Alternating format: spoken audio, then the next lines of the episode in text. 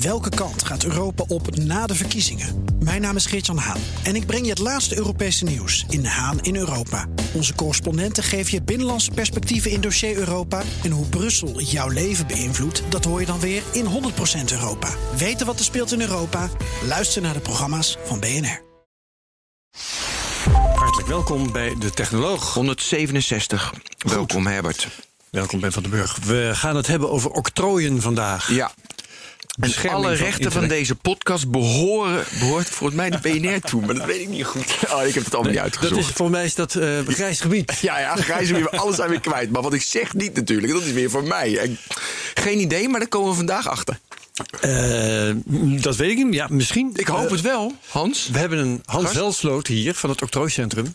Hallo. Die uh, in ieder geval van octrooien alles zou moeten weten. Precies, over octrooien weet ik alles. Ja. Maar, oh ja, maar dat is gelijk mijn eerste vraag. Ik wil gelijk beginnen. Boom. Wat nu, weet je, intellectual property, octrooien, patenten.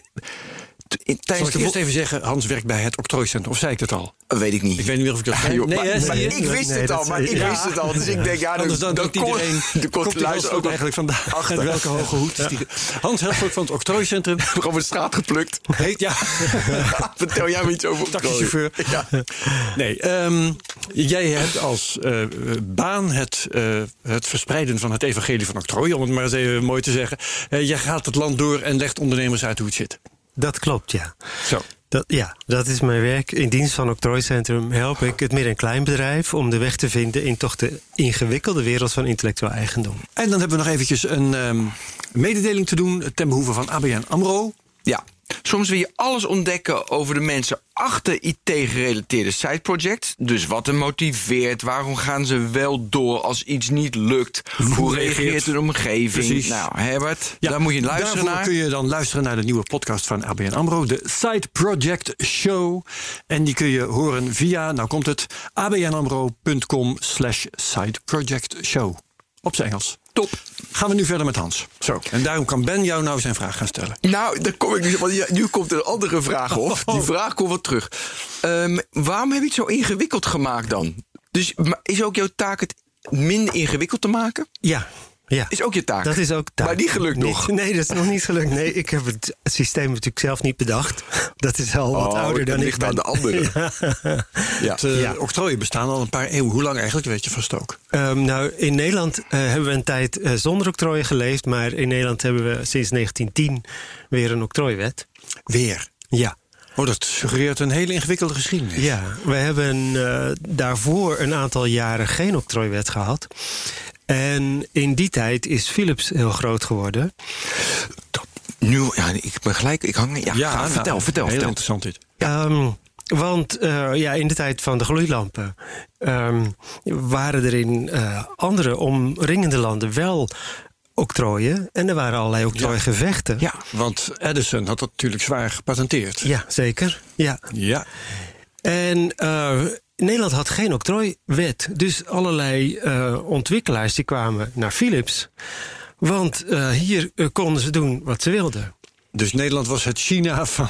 Nou, is het, misschien wel. Van het begin van de eeuw. Ja, en ja. op een gegeven moment kwamen natuurlijk ook hier belangen om wel een octrooiwet in te stellen.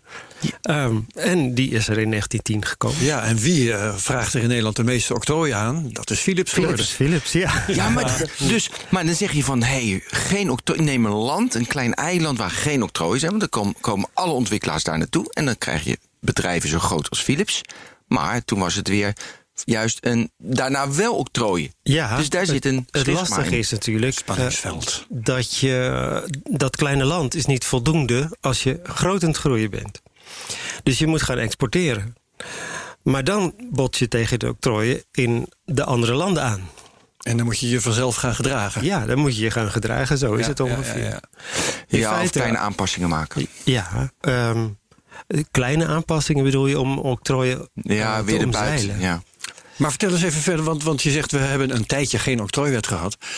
Um, was het daarvoor dan weer een tijd dat we die wel hadden? Ja, daarvoor waren, hadden we wel octrooi. Wat wonderlijk, want die is dan ooit buiten werking gesteld of zo. Kun je daar ja. iets over vertellen? Ja.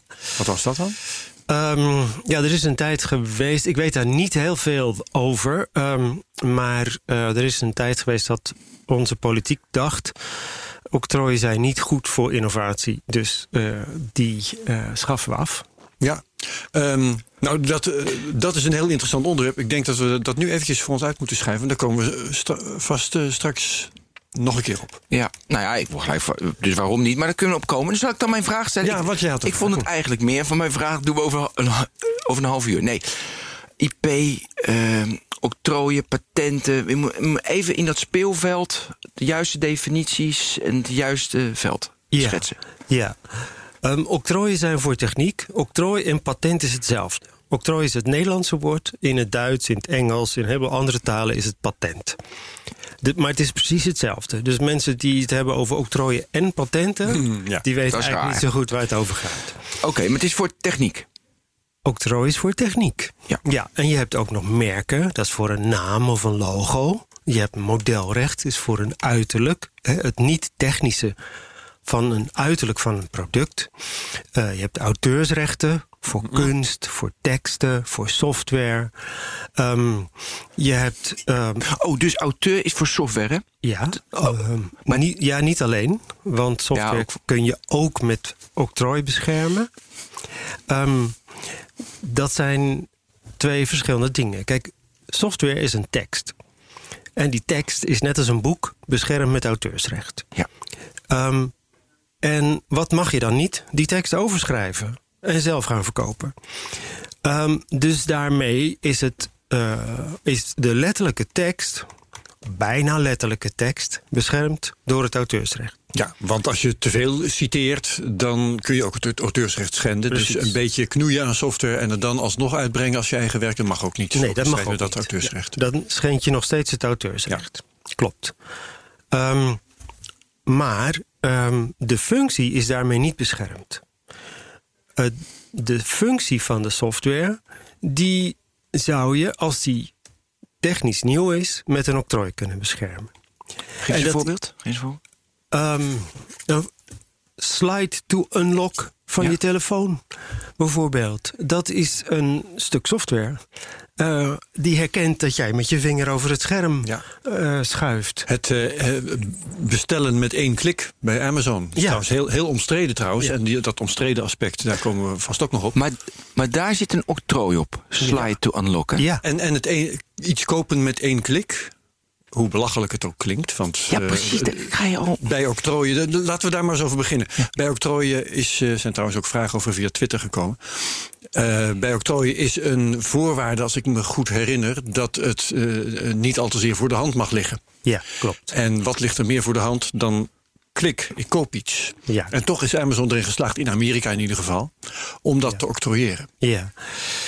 Um, Dat vinden sommige mensen niet zo Fijn, ja, leuk, stom. Niet zo goed. eh, ja. Gek, ja. in, in de beginperiode van de software-octrooien zijn er nogal wat octrooien verleend die achteraf gezien toch niet zo nieuw en inventief waren. Maar het was voor de examiners van het Patent Office, eh, mijn collega's in Amerika, of, hè, die- ehm, niet makkelijk om vast te stellen of iets nieuw was of niet.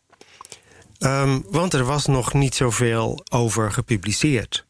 En ehm, dus als zij dan niks kunnen vinden, dan moeten ze zeggen: dit is nieuw. En dan gaan ze het verlenen. Ja, maar nieuw is, dat, dat zei ik net, nieuw is niet voldoende. Het, het moet ook niet al te erg voor de hand liggen. Ja, klopt. Ja. En eh, in het geval van één klik kun je volgens mij zeggen, ook eh, met, je, met, je, met je boerenverstand. Dat ligt wel erg voor de hand, Ja. jongens, dat gaan we niet doen. Ja, nou, het ligt. eh, de, de octrooiaanvraag is een document van 10, 15, 20 of soms meer pagina's.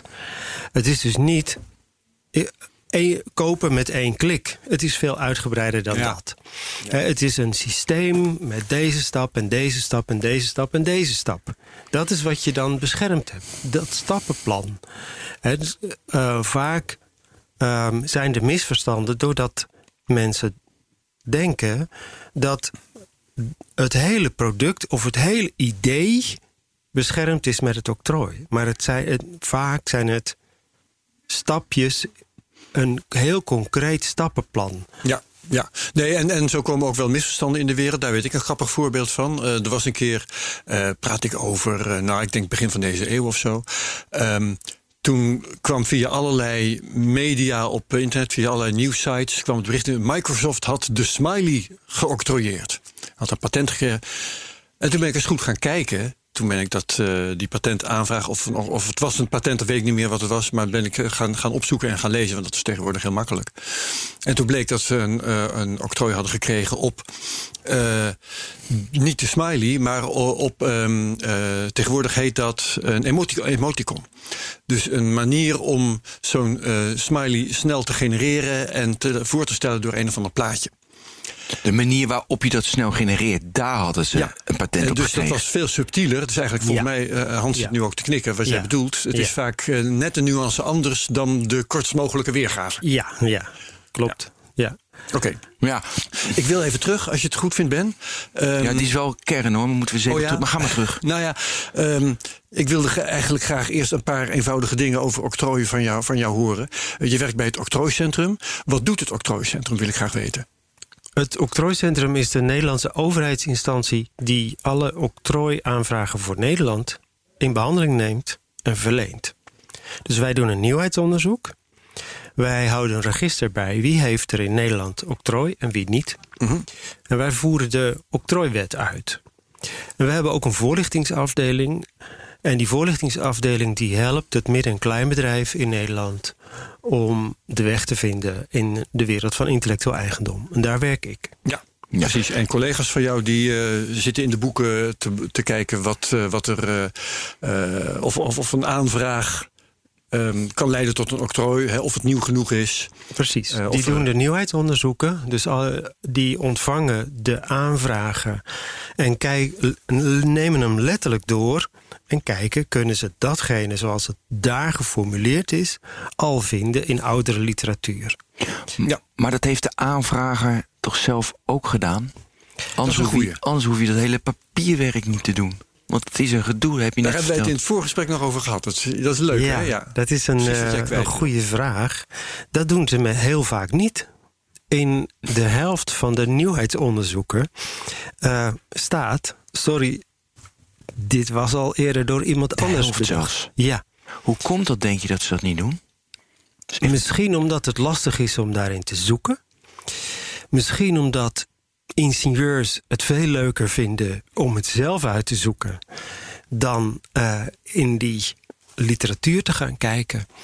Ehm, ik weet het niet. Nee. En, en ehm, benadelen eh, uitvinders, eh, noem ik ze maar even, zich op die manier? Dat wil zeggen, zijn, zijn jullie heel duur om dat, om, om dat uit te zoeken en dan een octrooiaanvraag af te wijzen?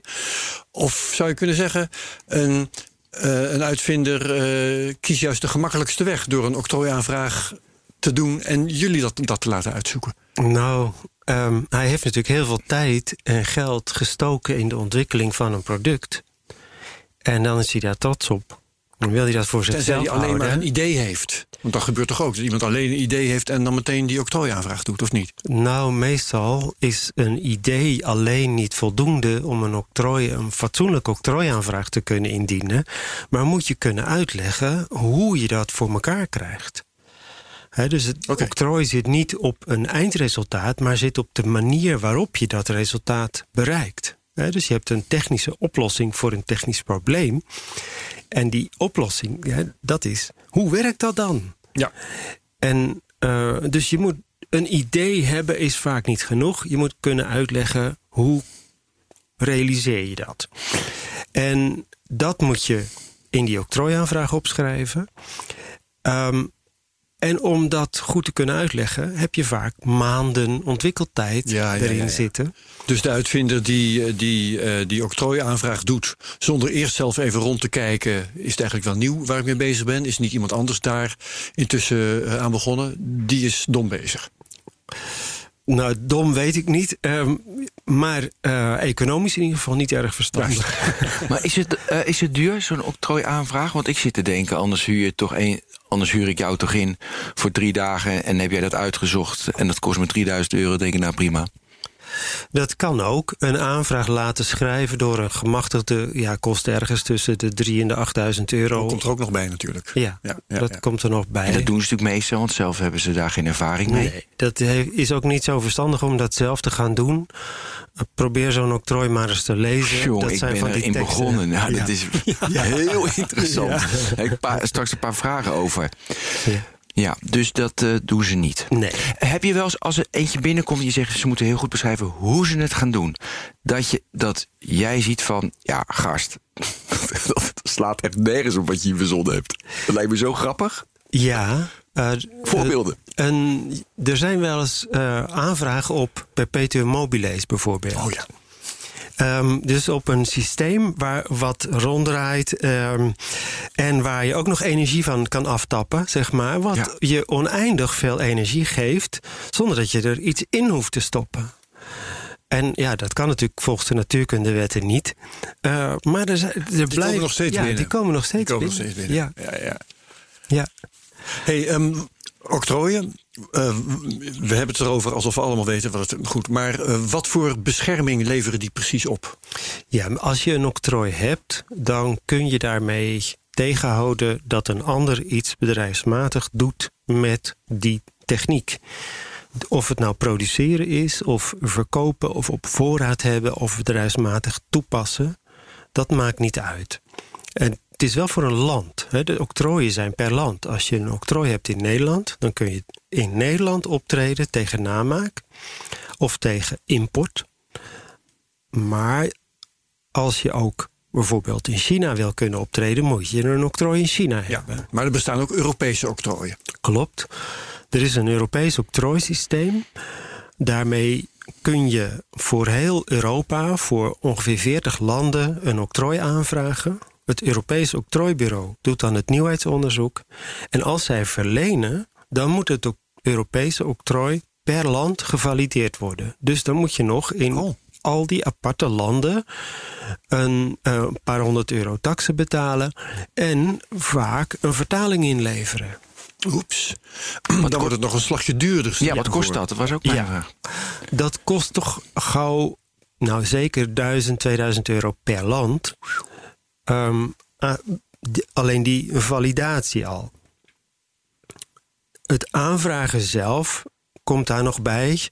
Um, ja, tussen de 3 en 8000 euro voor Ja. het laten schrijven. En er is ook nog een discussie vaak met de Europese examiner. Die zegt vaak: ja, als je het zo formuleert, ben ik het er niet mee eens. Dan ga ik het niet verlenen, want vind ik het niet nieuw en inventief. En dan mag je als aanvrager mag je, je tekst aanpassen. Dan mag je het een beetje beperken. Misschien is het dan wel nieuw en inventief. Dus dan kijkt die examiner er nog een keer naar. Ja. Maar dat kun je niet zelf. Daarvoor heb je weer die octrooigemachtigde nodig. Dus daar komen ook weer Dat is een soort advocaat, hè? Ja. Eh, die Ja. verstand heeft van octrooirecht. Ja, een octrooigemachtigde is iemand die heeft eerst een, een technisch universitaire opleiding en daarna nog een driejarige beroepsopleiding eh, die vooral juridisch van aard Ja, is. ja. Hele dure jongens zijn dat. Hans, en, maar zijn er mensen die eng zijn die dan naar Nederland komen en hé, er zit een, alleen maar een octrooi op in Nederland? Hé, hey, ik woon in Duitsland, ik ben eng, ik, ik steel dat, ik neem dat en dan ga ik in Duitsland. Kan ik het namaken, nadoen? Want ze hebben het niet in Duitsland. En ik heb bijvoorbeeld meer macht, meer geld, meer kracht, waardoor ik het wel wereldwijd. Dus Ja. dan ben je nog de pineut Ja, dat als klopt. uitvinder. Dus als je een, een uitvinding hebt gedaan die wereldwijd interessant is, dan is het vaak niet verstandig om je te beperken tot alleen een Nederlands octrooi. Dan wil je ook buiten Nederland een octrooi hebben. Maar dan ben je drie, vier, vijf, zes jaar verder voordat je dat ook weer allemaal voor elkaar hebt. Met, eh, over technologie gaat snel, nou, we weten het. Ja, ja. Nou, dat het lang duurt voordat een octrooi verleend is, dat vinden veel mensen niet erg. Het doel van een octrooi in theorie is wel dat je een ander kan verbieden om daar iets mee te doen. Maar in de praktijk kun je met een octrooi-aanvraag ook al heel veel. Als er een nieuwheidsonderzoek bij zit dat er goed uitziet, dan kun je daar ook al mee handelen. En dan kun je bijvoorbeeld gaan samenwerken met andere partijen. zonder dat die ander met je idee aan de haal gaat. Uh, je kunt ook uh, een aanvraag al verkopen. Je kunt een aanvraag uitlicentiëren. Um, je kunt um, uh, waarde toevoegen aan je bedrijf. Um, je kan naar een financier, uh, een investeerder. Die willen vaak dat je iets beschermd hebt. En, en die zijn dan blij als jij, als jij zegt. Ik heb het nog zo aangevraagd. Ja. Dat vinden ze al mooi. Dat vinden ze al mooi. En het liefst willen ze dan het nieuwheidsrapport zien. En dat komt na ongeveer negen maanden. En als dat gunstig is, ja, dan uh, zeggen, zij, zij, zeggen zij ook niet... je moet eerst wachten tot het octrooi verleend is. Hè? Dan zeggen ze, je moet zo snel mogelijk de markt op. Ja, ja. En dan zit er geld bij en dan kunnen ze ook accelereren. Ja. ja. Snap ik. Uh, kunnen we even terug of wil je nog van die nee, standaardvragen even terug. Oh, mooi. Ja, uh, want een hele beroemde... Weet je, want we hebben een mooi voorbeeld met one-click en beschrijving. Ja. Hoe daardoor mag het. Maar iedereen heeft nu toch gewoon one-click. Of heeft bol.com dat niet? Ja, ik let daar nooit zo op, maar... Ja, klopt. Iedereen heeft one-click. Um, een octrooi is maximaal 20 jaar geldig. En veel, uh, ja, de one-click patent is al uh, als veel ouder dan 20 jaar. Dus Ja. na, als het octrooi vervallen is, dan mag iedereen dat gewoon namaken. En dan betalen ze, als het nog niet is nagemaakt, swipen, betaalt Android aan Apple. Omdat Ja. Apple, denk ik, dat swipe. Ja, eh, dus dat, is, dat is veel gebeurd. Ja, absoluut. Ja. In de ik- elektronica gebeurt dat heel veel. Er is niet één bedrijf dat alle octrooien heeft. En neem bijvoorbeeld ook eh, de CD- en de DVD-technologie. Heeft Philips heel veel geld aan verdiend. Maar dat hebben ze samen met Sony gedaan vooral. Zij hadden niet, eh, Philips had niet alle patenten. Sony ook niet. Ehm, dus wat hebben ze gedaan? Zij wilden toch dat iedereen CD's en DVD's ging eh, gebruiken. Ehm, ze hebben dus een patentpool opgericht. Ehm, en iedereen die maar wil, die kan een licentie krijgen van die pool. En zo is dat voor allerlei standaarden. Dat is voor MP3, voor nou, alle standaarden die je uit de elektronica vindt. Daar zijn over het algemeen patent pools. En de bedrijven die octrooien hebben, die nodig zijn om die MP3-technologie, die standaard, eh, eh, te kunnen realiseren, die stoppen hun patenten in die pool. En de pool geeft licenties aan iedereen die die technologie maar wil gebruiken. Octrooien zijn dan een ruilmiddel. Ja, Ja. ja. En ik wil dan En dat is nu- ook heel waardevol. nu naar die hele beroemde case. Heeft Samsung de iPhone nagemaakt? Zeven jaar duurde die. ja. Ja, je kan toch ook eh, dat Samsung. En waarom gaven ze dat niet toen? Betaalden ze eerder Apple gewoon dat geld? Joh, prima. Eh, dus dat is dan apart. Ja, ja, nou ik ken de details van die zaak niet. Ik ook Eh, niet, maar ik lees ook dus- wel eens wat. Ja, ja. Ehm, nee, maar daar durf ik eigenlijk niet zo heel veel over te zeggen. Ehm, Maar normaal gesproken is het dus wel zo eh, dat de vormgeving, want het ging over de vorm van de iPhone, dat dat al gepatenteerd wordt. Ja, ja, Dus nee, dus bij de, bij de Dus- vormgeving gaat het om modelrechten. modelrecht, ja. Ehm, ja, in het, het is heel verwarrend, omdat in, het, eh, in Amerika heet dat een design patent. Yes. D- dus ja, daar heet het wel weer een patent. Ehm, maar ja, daar kun je inderdaad je vraagtekens bij zetten. Die afgeronde hoekjes, daar wordt het over het algemeen over geschreven.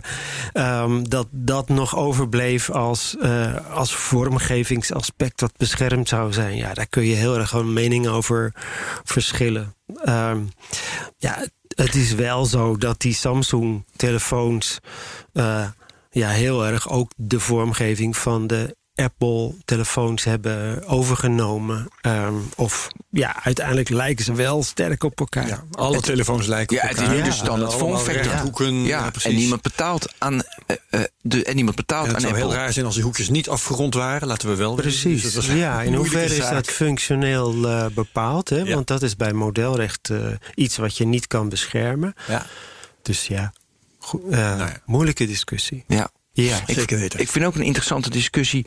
Dus eh, dat is weer auteursrecht, maar ik vind software hierin interessant. Dat in principe dat de developer die die software bouwt, dat hij heeft het geschreven, dat is van hem.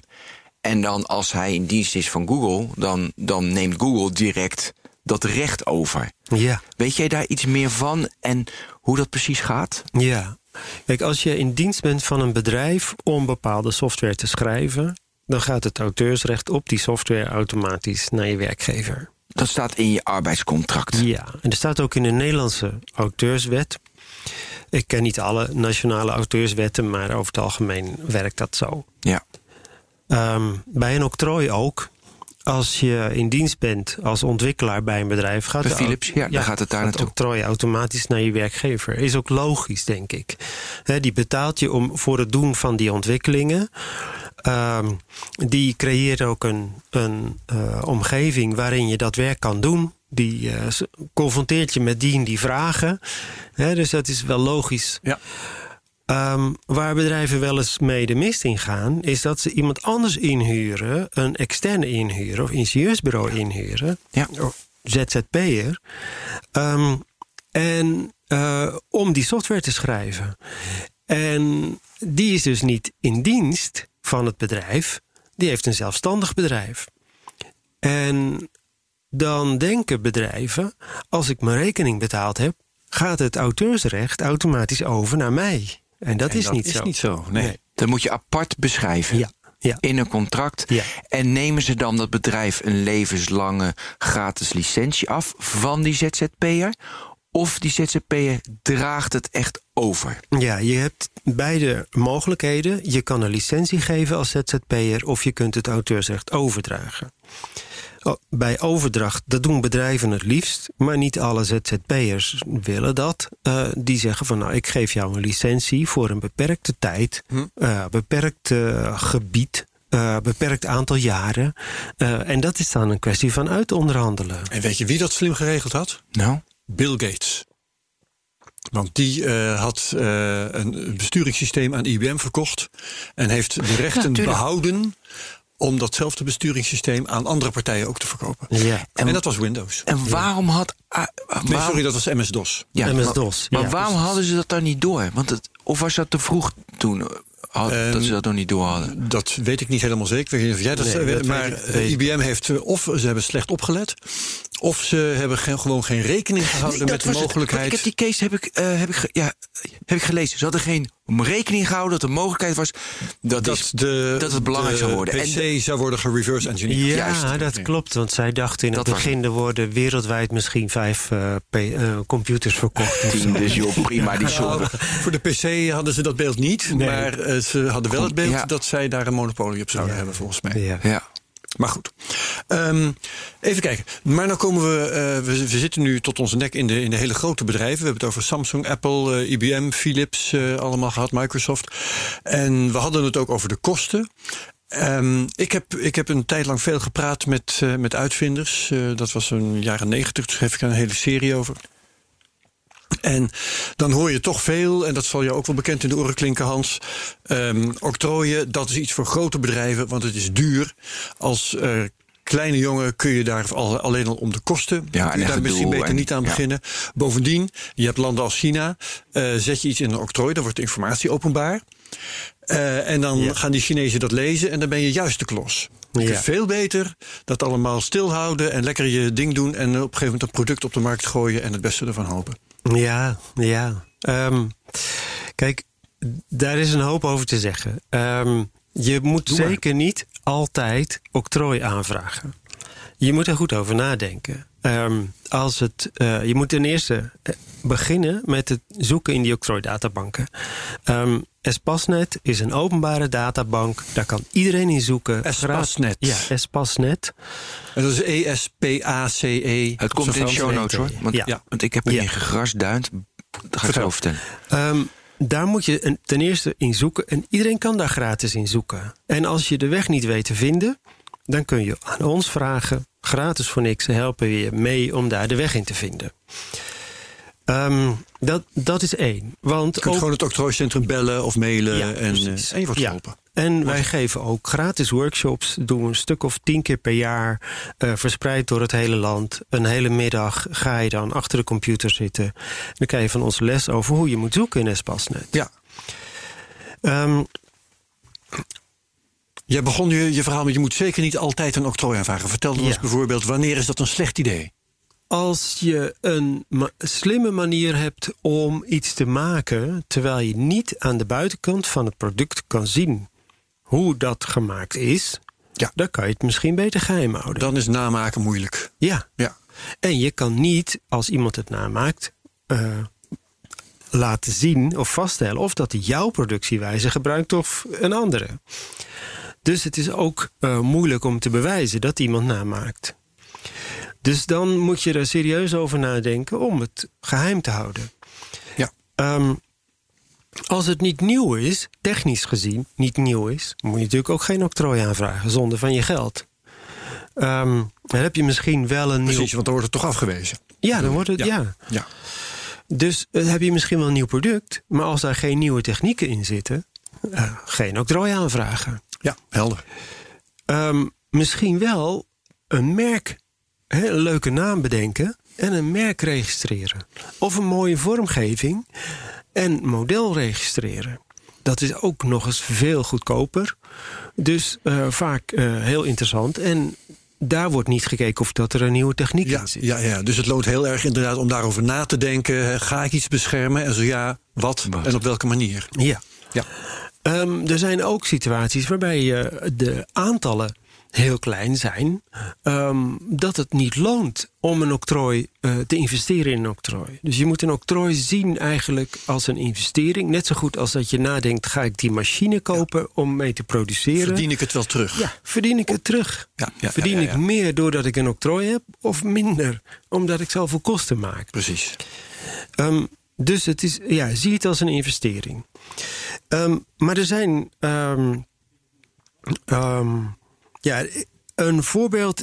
eh, ik heb eens eh, een gesprek gehad met een bedrijf.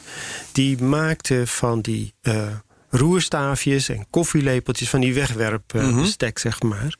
En die hadden een, een verbeterd ontwerp waardoor er veel meer in een doos paste. Nou, zoiets is natuurlijk heel goed eh, zichtbaar aan de buitenkant. Dus dat soort dingen zou je eventueel kunnen patenteren. Ja. Dus ze hadden ook een ontwikkeling om eh, de cyclustijd in de spuitgietmachine te verkorten. En dat kon je aan de buitenkant van die producten helemaal niet zien. Nee.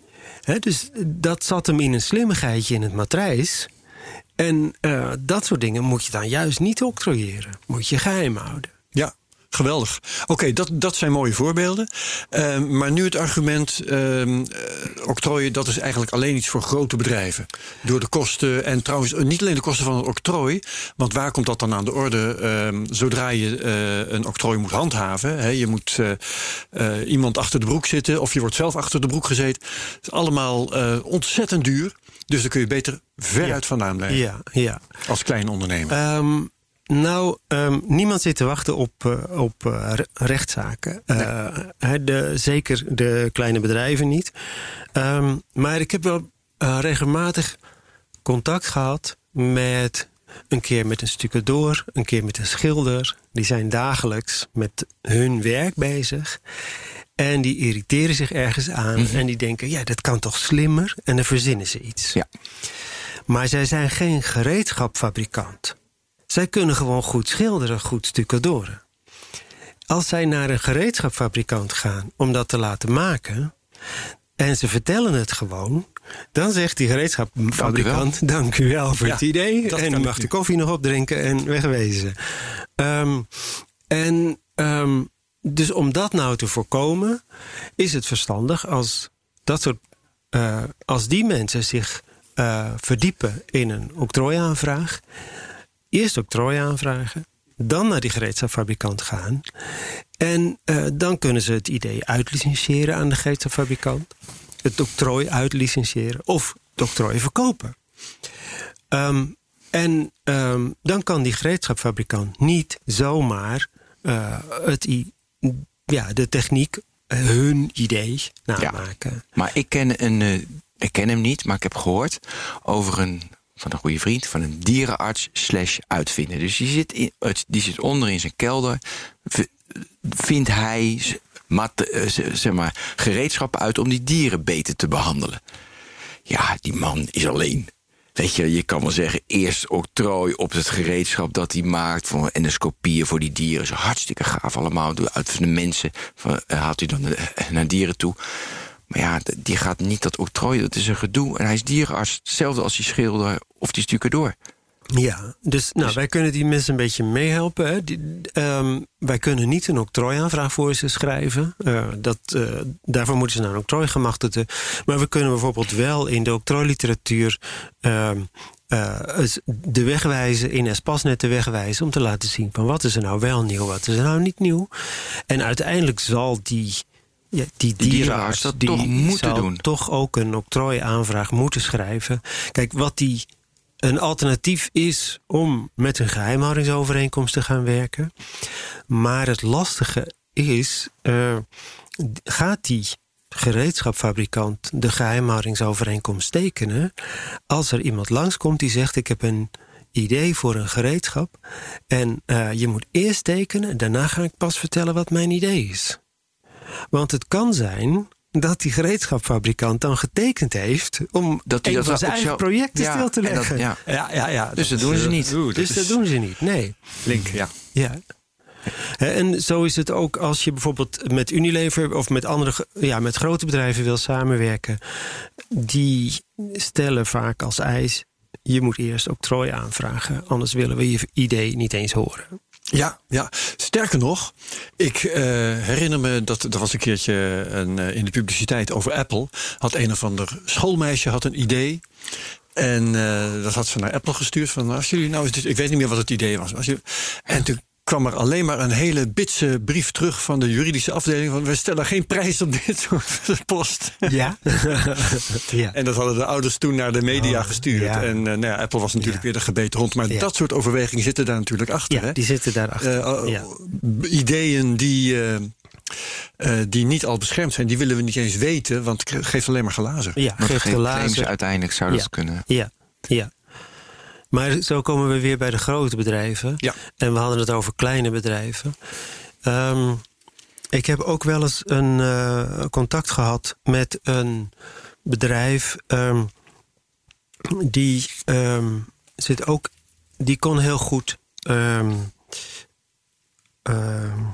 ja, hoe noem je dat? Slijpen. Daar wist hij heel veel van. En die had een, eh, een spuitmond om koelmiddel op het eh, werkstuk eh, te spuiten bedacht. En dat had hij gemaakt met 3D-printen.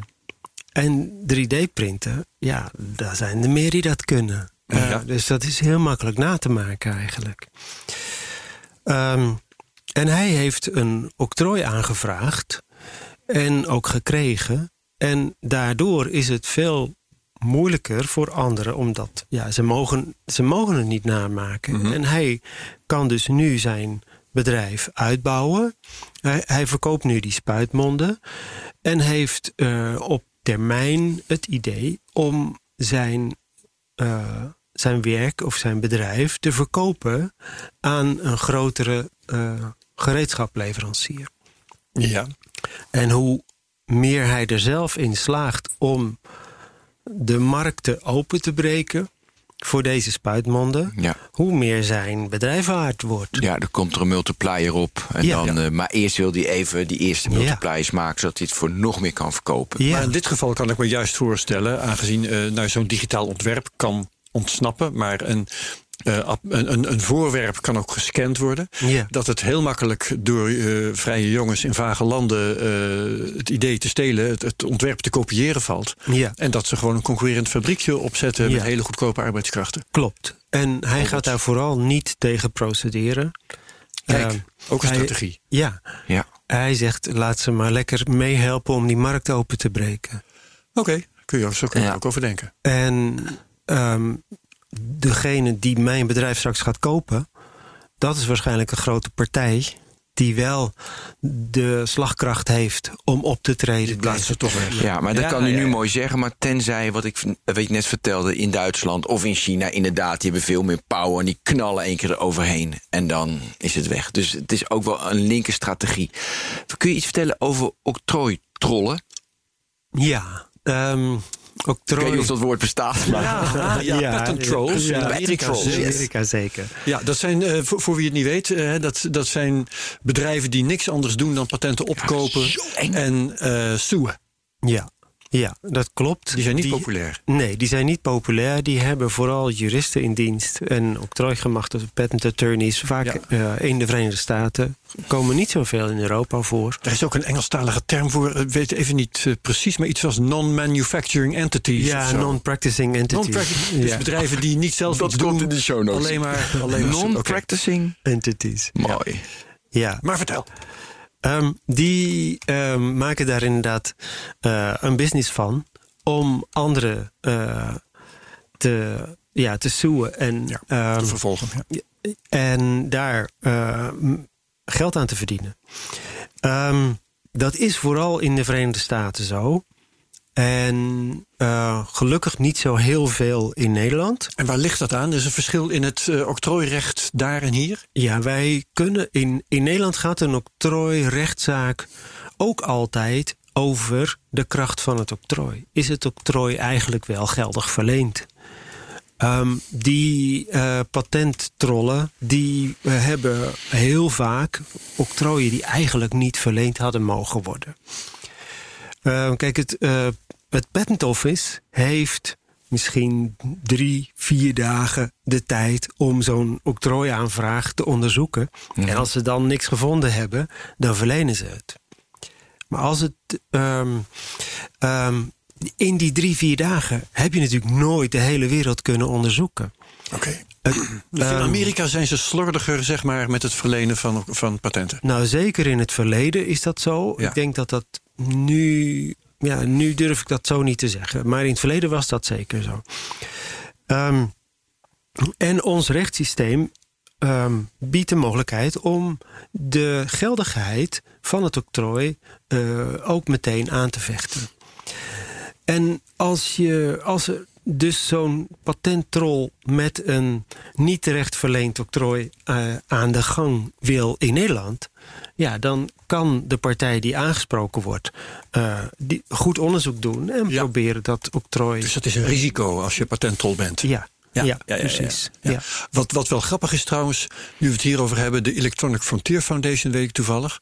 Die heeft een, eh, een maandelijkse rubriek, Stupid Patent of the Month. Ja, ja, Dus bijvoorbeeld. elke maand Ja. publiceren ze een idioot eh, octrooi uit Ja. het Amerikaanse systeem. Ja. Dat in hun ogen nooit verleend hadden, had mogen worden. En dat is puur entertainment. Ja, ja, ja, Dus eh, aanrader. ja, zeker. Ja. Ehm, Nu- dus dat, Ja, ik wil nu gelijk een stupid patent, wil ik gelijk nu weten. Dus eh, nou, volgens mij is dat one-click patent. Is, is ja, ik zie het van, nu, maar even, dan wil ik er eentje zien Ja. die ik denk van ja, dat slaat echt helemaal nergens. Nou, als jij er even dan ik in zal er bladert, eentje kun je inzoeken. Ja, ja, ja, ik zie het hier. vertellen. Want dan, dan kom ik bij een paar een tweets die we hebben gehad. Er zijn mensen die, eh, die hebben ons eh, vragen gesteld via Twitter. Frank Heikamp bijvoorbeeld. Die vraagt, ik krijg de indruk dat partijen soms hun toevlucht nemen tot het auteursrecht... daar waar een octrooi eigenlijk meer op zijn plaats is. Is dat een ontwikkeling die jij ook ziet? Nou, Ik ken wel het omgekeerde namelijk. Dat eh, eh, software wordt geoctrooieerd... terwijl er mensen zijn die dat onterecht vinden... vinden dat auteursrecht beter op zijn plaats is. Hoe, hoe ligt die balans wat jou betreft? Ja. Ehm, er zijn eh, heel veel ontwikkelingen, technische ontwikkelingen, waar de software gebruikt wordt om een, iets nieuws te doen, iets technisch nieuws te doen. Ehm, en de precieze code is niet zo relevant. Ehm, en daar is dus een octrooi meer op zijn plaats dan auteursrecht. Aut- Ja. Ehm, er zijn heel veel software-octrooien. De software is heel goed octrooieerbaar als er tenminste iets technisch gebeurt. En daar is het minder sterk om het met auteursrecht te beschermen dan met een octrooi. Ehm, dus om nou te zeggen dat er minder octrooien worden gebruikt en mensen meer auteursrecht gebruiken, dat geloof ik niet. Nee. Het aantal octrooiaanvragen neemt wereldwijd alleen maar toe. Ja, ja, ja. Ik herinner me uit het begin van deze eeuw wel de discussie over... eh, moet software eigenlijk wel octrooieerbaar zijn? Ja. Ehm, ja, uh, in, in uh, rond 2005 is het denk ik geweest, misschien nog iets eerder. En uh, ik herinner me ook dat toen, sorry, bedrijven als Microsoft die waren daarvoor, die profiteren daar ook vrij makkelijk van. Terwijl juist de kleinere softwarebedrijven die waren daar erg tegen. Die hadden veel liever dat het, het auteursrecht, dat het auteursrecht die rol zou vervullen. Um, kun je inschatten hoe dat komt dat grote bedrijven uh, liever dat octrooirecht zien en kleine bedrijven meer houden van het auteursrecht? Um, ik denk dat dat ook de periode was dat het. Um, dat in Amerika het nog veel makkelijker was om een um, bedrijfsmethode te octrooieren. En dat hier vooral de web en app heel erg opkwam. En in de web en app gebeurt vaak niet zo heel veel uh, technisch. En dat was in die tijd uh, in Amerika nog heel goed patenteerbaar. Ah zo. Ik zit zelf, doe ik vooral de voorlichting in de regio Eindhoven. Daar is de software die ontwikkeld wordt ook vaak gerelateerd aan technische systemen. En daar is het toch weer een ander verhaal. Daar zie, kom ik niet zo heel veel bedrijven, kleine bedrijven tegen... die zeggen dat software niet octrooieerbaar zou moeten zijn. Ja, ja, ja. Dus het heeft uh, echt, echt te maken met... Uh, doe je met die software iets wat op zichzelf technisch nieuw, nieuw is? Ja. Of uh, ga je proberen om software voor bij wijze van spreken... een tekstverwerker te, te octrooieren? Dat is dan misschien minder handig. Ja. Ja. ja. ja. Uh, ik heb er eentje gevonden. Uit, 19, uh, uit 2018. Een belachelijk patent. Het slaat echt helemaal... Nou, nu ben ik hem weer kwijt. oh shit. En hier. Een uh, image capturing device. In 2018 de US patent 9936086. Image capturing device. Een fototoestel. Ja. Een image... nou, het, ja. Ja, je ja. begint te lachen, maar dit slaat echt nergens op. Nee, nee. Nou, ik zou de. Ja, je moet de case natuurlijk zien, maar ja. weet je, ja, weird. Maar goed, uh, leuk, grappig. Ik heb nog iets anders. Okay. Uh, uh, Hans, weet je iets van indicatoren? Er zijn heel veel wetenschappelijke artikelen over indicatoren van de waarde die een patent creëert. Dus er zijn als je een patent hebt, dan creëert waarde. Maar er zijn allemaal indicatoren die meer meetelt om de waarde te creëren en minder meetelt. Weet je daar iets van? Of is dat voor jou ook een grijs gebied? Even, wat voor indicatoren heb je daarover? Ja, daar hebben ze van, als je een patent hebt en het is, uh, dat is natuurlijk van. Uh, als iedereen het gaat gebruiken, is een indicator, weet je, indicator want dan heb je een grotere reach. Ja. Als het heel erg origineel is. Als je, dus er zijn in de wetenschappelijke literatuur daar indicatoren van. Maar ik, ik kwam dat tegen.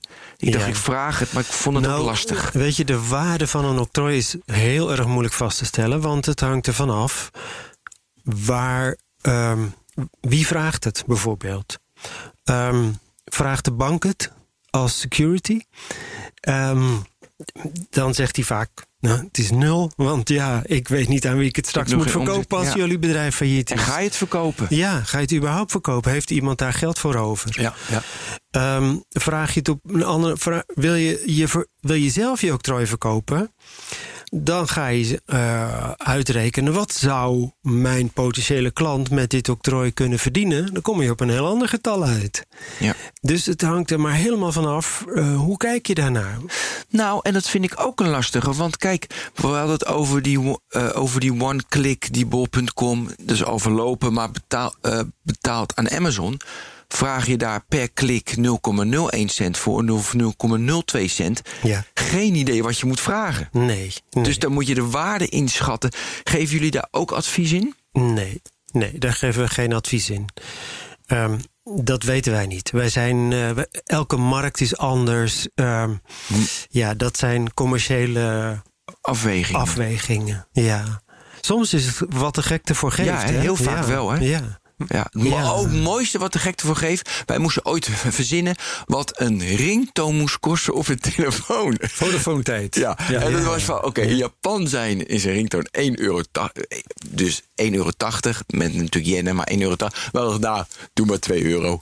Gewoon in de lucht, geen idee. Ja. Ja. Mensen betaalden dat toen voor, Ja, dat hè, deed voor ze, een ja. ringtone. Ja, ja, Ja. Nu niet meer. Heb jij nooit gedaan, open Gerald? Nee. Je hebt nooit voor gelukkig. Ik heb nog een eh, kritische vraag die via Twitter binnenkwam van @wishmaster Ja, underscore tuurlijk. NL. Dat is een, Ja. die stop. Ja, Welke ontwi- ontwikkelingen missen we door octrooi? De achtergrond van de vraag is zo te zien: eh, bedrijven eh, kopen wel eens octrooi op met de expliciete bedoeling om er geen gebruik van te maken om een bepaalde uitvinding de, uit de wereld te houden. Bijvoorbeeld omdat ze eh, zelf iets maken succesvol, eh, wat anders geëlimineerd zou worden. Eh, nou ja, je, je gebruikt Ja. de techniek voor mobiele telefonie, verz- verzin ik maar even. Er ligt een nieuwe techniek op de loer. Oké, octrooien kopen, dan komt het niet op de markt. Kun je lekker doorgaan. Ja. Wat voor ontwikkelingen missen wij in, is de vraag.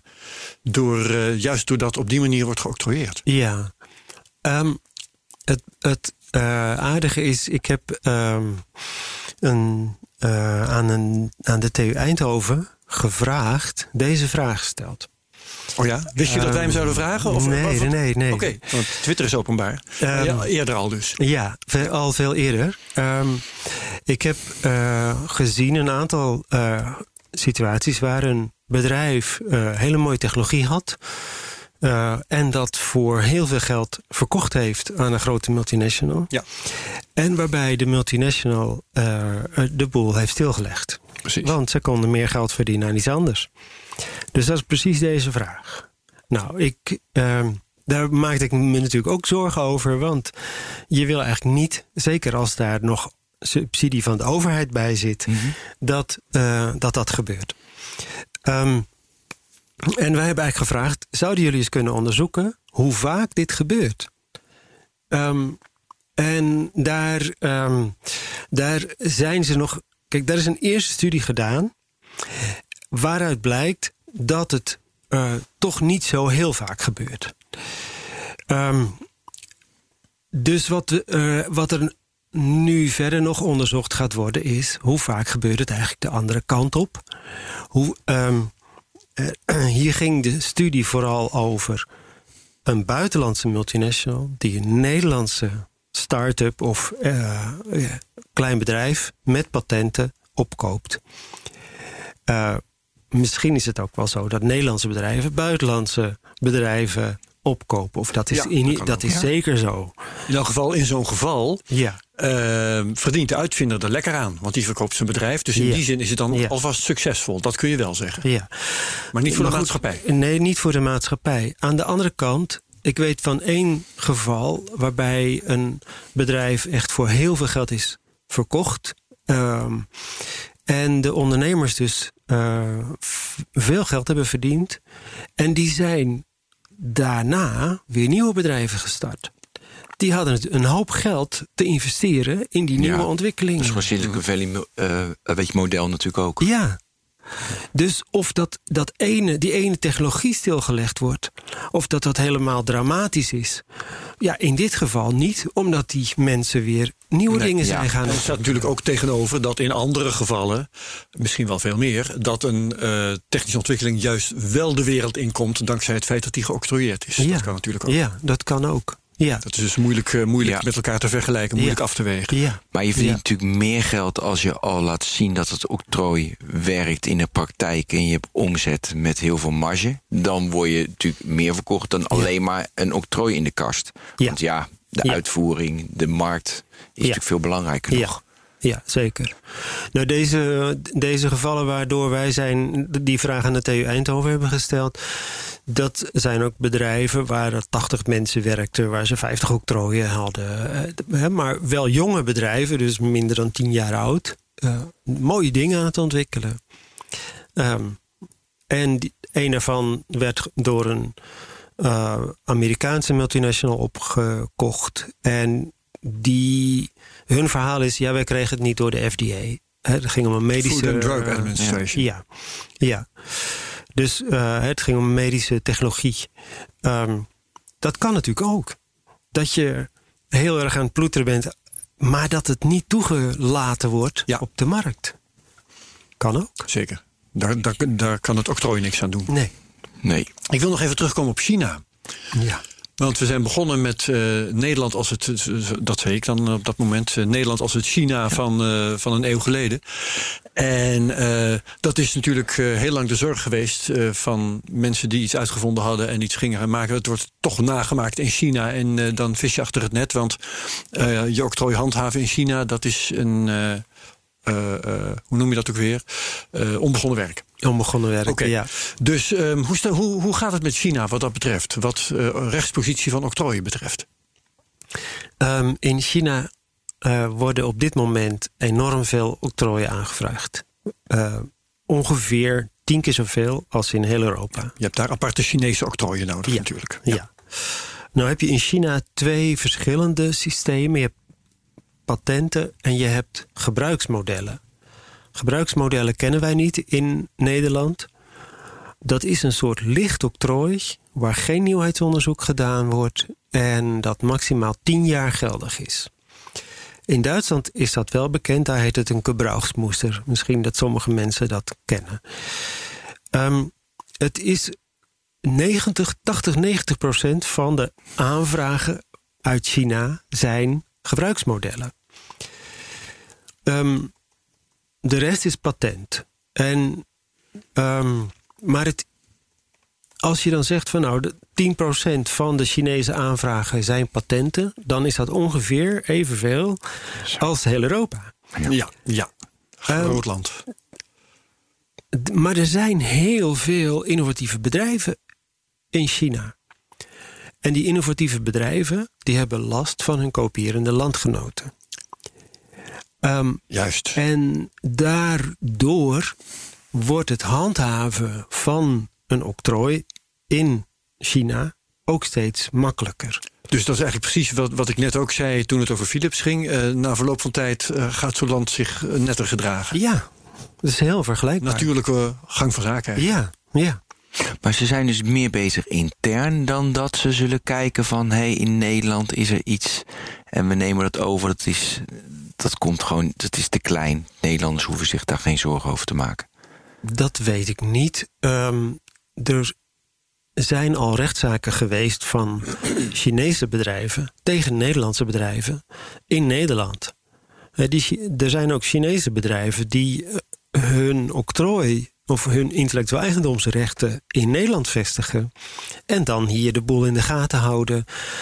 En hier ook wel eens een rechtszaak winnen. Nou, uh, is daar niks mis mee als dat in balans is. Nou, voorlopig winnen Nederlandse bedrijven in China meer rechtszaken dan andersom. Ja, is dat zo? Ja. Oké, okay, dus, dus ook als het gaat om het beschermen van de rechten van uh, bedrijven buiten China, werkt dat Chinese octrooisysteem uh, ja. beter en beter. Ja, dat, ja, ja, maar je moet het wel goed doen. Kijk, China is een land van, van alles registreren. Um, het is um, in China moet ook de bewijslast door een notaris uh, vastgesteld worden. Kijk, in, als je in Nederland kan bewijzen dat iemand iets verkoopt in Nederland, als je dat wil bewijzen, dan moet je gewoon zelf zo'n product kopen. En als je dan de factuur kan laten zien aan de rechter, mm -hmm. dan is dat een bewijs dat het te koop is in Nederland. In China werkt dat niet zo. Oh. Daar moet dat door een notaris vastgesteld worden. Nou, dat soort dingen moet je wel weten als je in China actief bent. Um, dus ga vooral naar de China IPR Helpdesk. Die wordt gefinancierd door de Europese Unie. Um, en die helpt je om de weg te vinden in het Chinese rechtssysteem. Kijk, dat is nuttig. Zo'n werk allemaal hoor. Ja. Nee, maar je wil uit, dus je wil bezig met je uitvinding. En, ja. Ja, ja, ja, ja, het hoort erbij. Niks aan te doen. Ja. ja. Maar dan wordt het, ja, het wordt minder leuk. Ja. Nou ja, voor mij, heel veel mensen vinden het fantastisch. En die helpen je dan. Dat kan ook. Ja. Ik, ja, ik wil heel graag de inspiratie. Inspiratie. Ja. Ja, maar je zit heel erg bescherming. Ja. bescherming. Maar ja, ik heb absoluut. natuurlijk even in jou. Dan ben ik weer die naam kwijt. Die European. Ja, die. Uh, die Ace. Espasnet. Espasnet, ja. Espasnet. Ik zit te grasduinen. Ja. Ja, ik had heel veel voor grasten. Dit slaat nergens op statenlang ja. enzovoort. Ja. Maar dan moet ik diep op ingaan. Heel veel te veel, maar op Koreanen. Weet je, het, bijna niet Engels. Het heet in die vertaalmodus allemaal netjes vertaald. Ja. En dat inspireerde me. Is dat wat je bedoelt van octrooien inspireren die je? Maar ik doe er verder Ja. niks mee. Maar is dat het? Ja, ja. Kijk, er is ehm, misschien een leuk voorbeeld. Ehm, we, we hadden eerst de Senseo. Toen kwam er een Nespresso. Die heeft een heleboel eh, ingepikt. Ja. En, eh, Ja, ik kon ook dat Senseo echt vies is. nee, dat is echt vies. Nespresso is lekker, maar Senseo is echt vies. Ehm, en ehm, nu kan je in de octrooiliteratuur, in Espasnet, kan je vinden dat Douwe Egberts en Philips bezig zijn met een eigen Nespresso. Die maken een cupmachine en je kan precies lezen... dit moment? Op dit moment, ja. Die nou eigenlijk al een Ja, tijdje maar geleden. dat- As want de octrooipublicaties die zijn gedaan. En een octrooiaanvraag wordt pas na 18 maanden eh, gepubliceerd. En die, je ziet dus, kan, had al twee jaar geleden kunnen zien. Dus drieënhalf jaar geleden hadden ze al een alternatief Het is ontwikkeld. een goed verhaal. Dus Nespresso zit nu... Kijk eens, ze gaan beginnen. Dus Ja. die blijven nu met innovaties. En hoe Ja. blijven we ze voor? Ja. Snelmarkt. Ja. Extra geld erbij. Ja, Om ze weg te drukken. ja, Ja, het begint daar dus. ja. Dus ga daar kijken waar, eh, wat, waar anderen mee bezig zijn. Ja, dat zei je Ja, eerder in het gesprek ja. ook. Hè? Als, je, als je een uitvinding hebt gedaan, of denkt een uitvinding te hebben gedaan, sowieso eh, rondkijken in die octrooiliteratuur. Ja, eerder nog, hè? Als je denkt, ik ga dit probleem oplossen, ga dan eens kijken in die Heeft iemand het al gedaan? Nou, ik heb zelf in het verleden als ontwikkelaar gewerkt. Wat En- maakte je? In de, in de bouw aluminiumramen. Ja? Ehm, en toen wilde ik een aluminium extrusieprofiel aan een raam plakken. Maar aluminium ehm, heeft een veel grotere uitzettingscoëfficiënt dan glas. Krak. Dus, ja, dus dat, laat dat los. Eh, dus je moet dan een of ander flexibel lijmsysteem hebben. En toen zei iemand tegen mij... wat je moet doen is in de octrooiliteratuur gaan kijken... hoe die lijmfabrikanten... eh, welke problemen ze op welke manier oplossen.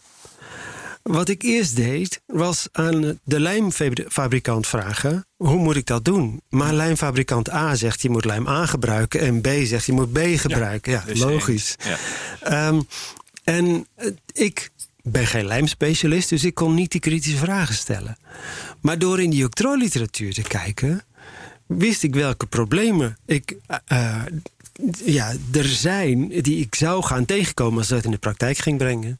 En dus kon ik wel de kritische vragen stellen. Ja. En Want, daardoor want, want in die literatuur zie je niet wat het beste werkt. Nee, nee. Nee, Dat maar je leert gewoon over de techniek. Ja. Een ander voorbeeldje. Ik eh, heb een tijdje mijn eigen ontwerpbureau gehad. Dan ging ik naar een opdrachtgever. En die opdrachtgever die weet natuurlijk over zijn vak veel meer dan ik als, eh, als ontwerper. Ehm, dus wat ik van tevoren ging doen, kijken welke octrooien hebben zij eigenlijk? En wat hebben hun concurrenten voor octrooien? En dan kan je eigenlijk heel snel in een bepaald vakgebied inlezen.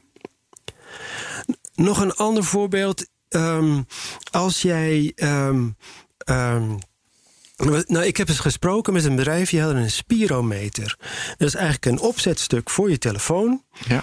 Ehm, als je daarin blaast, dan kan je zien hoe goed je longen het op dat moment doen. Dus voor long, longpatiënten.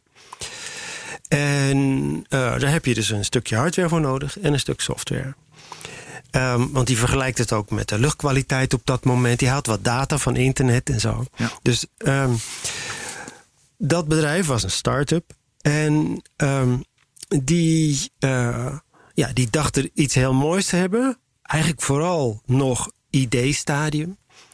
Ehm, wij zijn geholpen om te zoeken in de octrooiliteratuur. Blijkt dat al anderen dat idee ook eerder hebben gehad. Ehm, dus wat was toen de stap? Nou, waar zijn wij goed in? Wij zijn eigenlijk alleen, wij zijn eigenlijk veel beter in hardware. Dus we zoeken een ander die veel beter is in de software. En dan gaan we samenwerken. Ja, ja. Ik ben nu ineens heel benieuwd hoe jij nu kijkt tegen open hardware en open software. Open source. ja, daar ben ik echt benieuwd Ja, naar. ja. Nou, ehm, Dat is hoeveel weken geleden hebben we het daarover Ja, gehad? een week, week vijf, zes. Ja, een paar, Nee. paar weken terug. Tijdens kerst. Zoek even in de BNR-literatuur, Ja. want daar staat het allemaal ook eh, Ja. wanneer we... Oké, ja. Allemaal openbaar. Ja. Vertel. ja, open source. Ehm, software is gebaseerd op auteursrecht. Je, eh, dat draait om een bepaalde licentie. Je geeft, je, iemand mag het gebruiken onder bepaalde voorwaarden.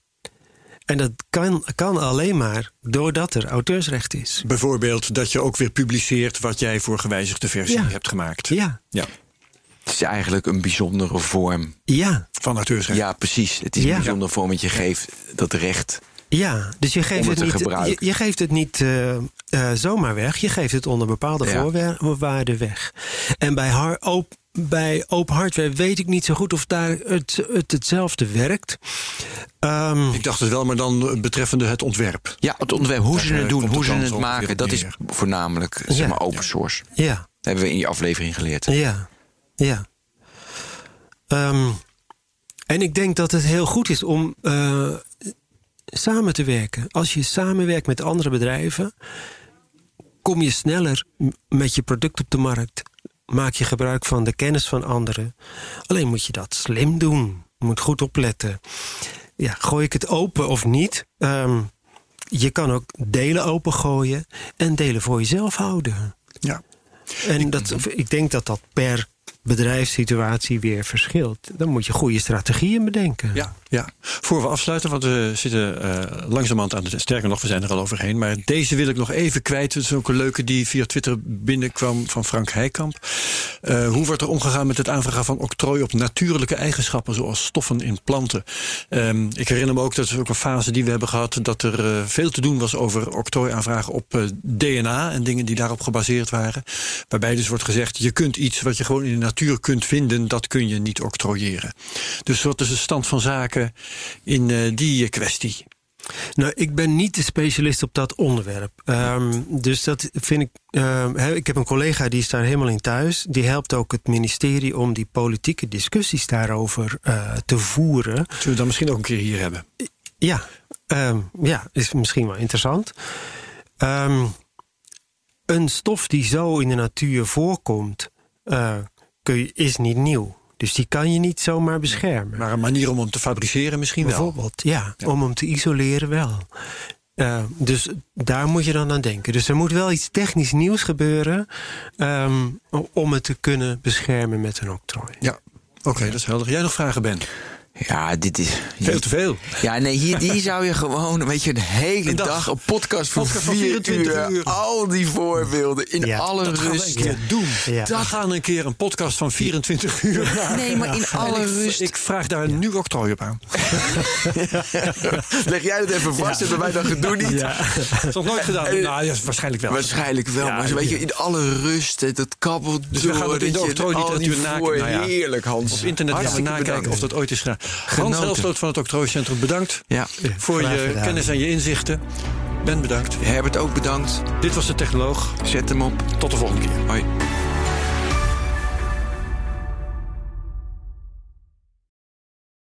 Ook Hugo Reitsma vind je in de BNR-app. Superhandig die BNR-app. Je kunt alle programma's live luisteren, breaking nieuwsmeldingen, je blijft op de hoogte van het laatste zakelijke nieuws en je vindt er alle BNR-podcasts, waaronder natuurlijk de belangrijkste, Boeken zijn in de wijk. Download nu de gratis BNR-app en blijf scherp.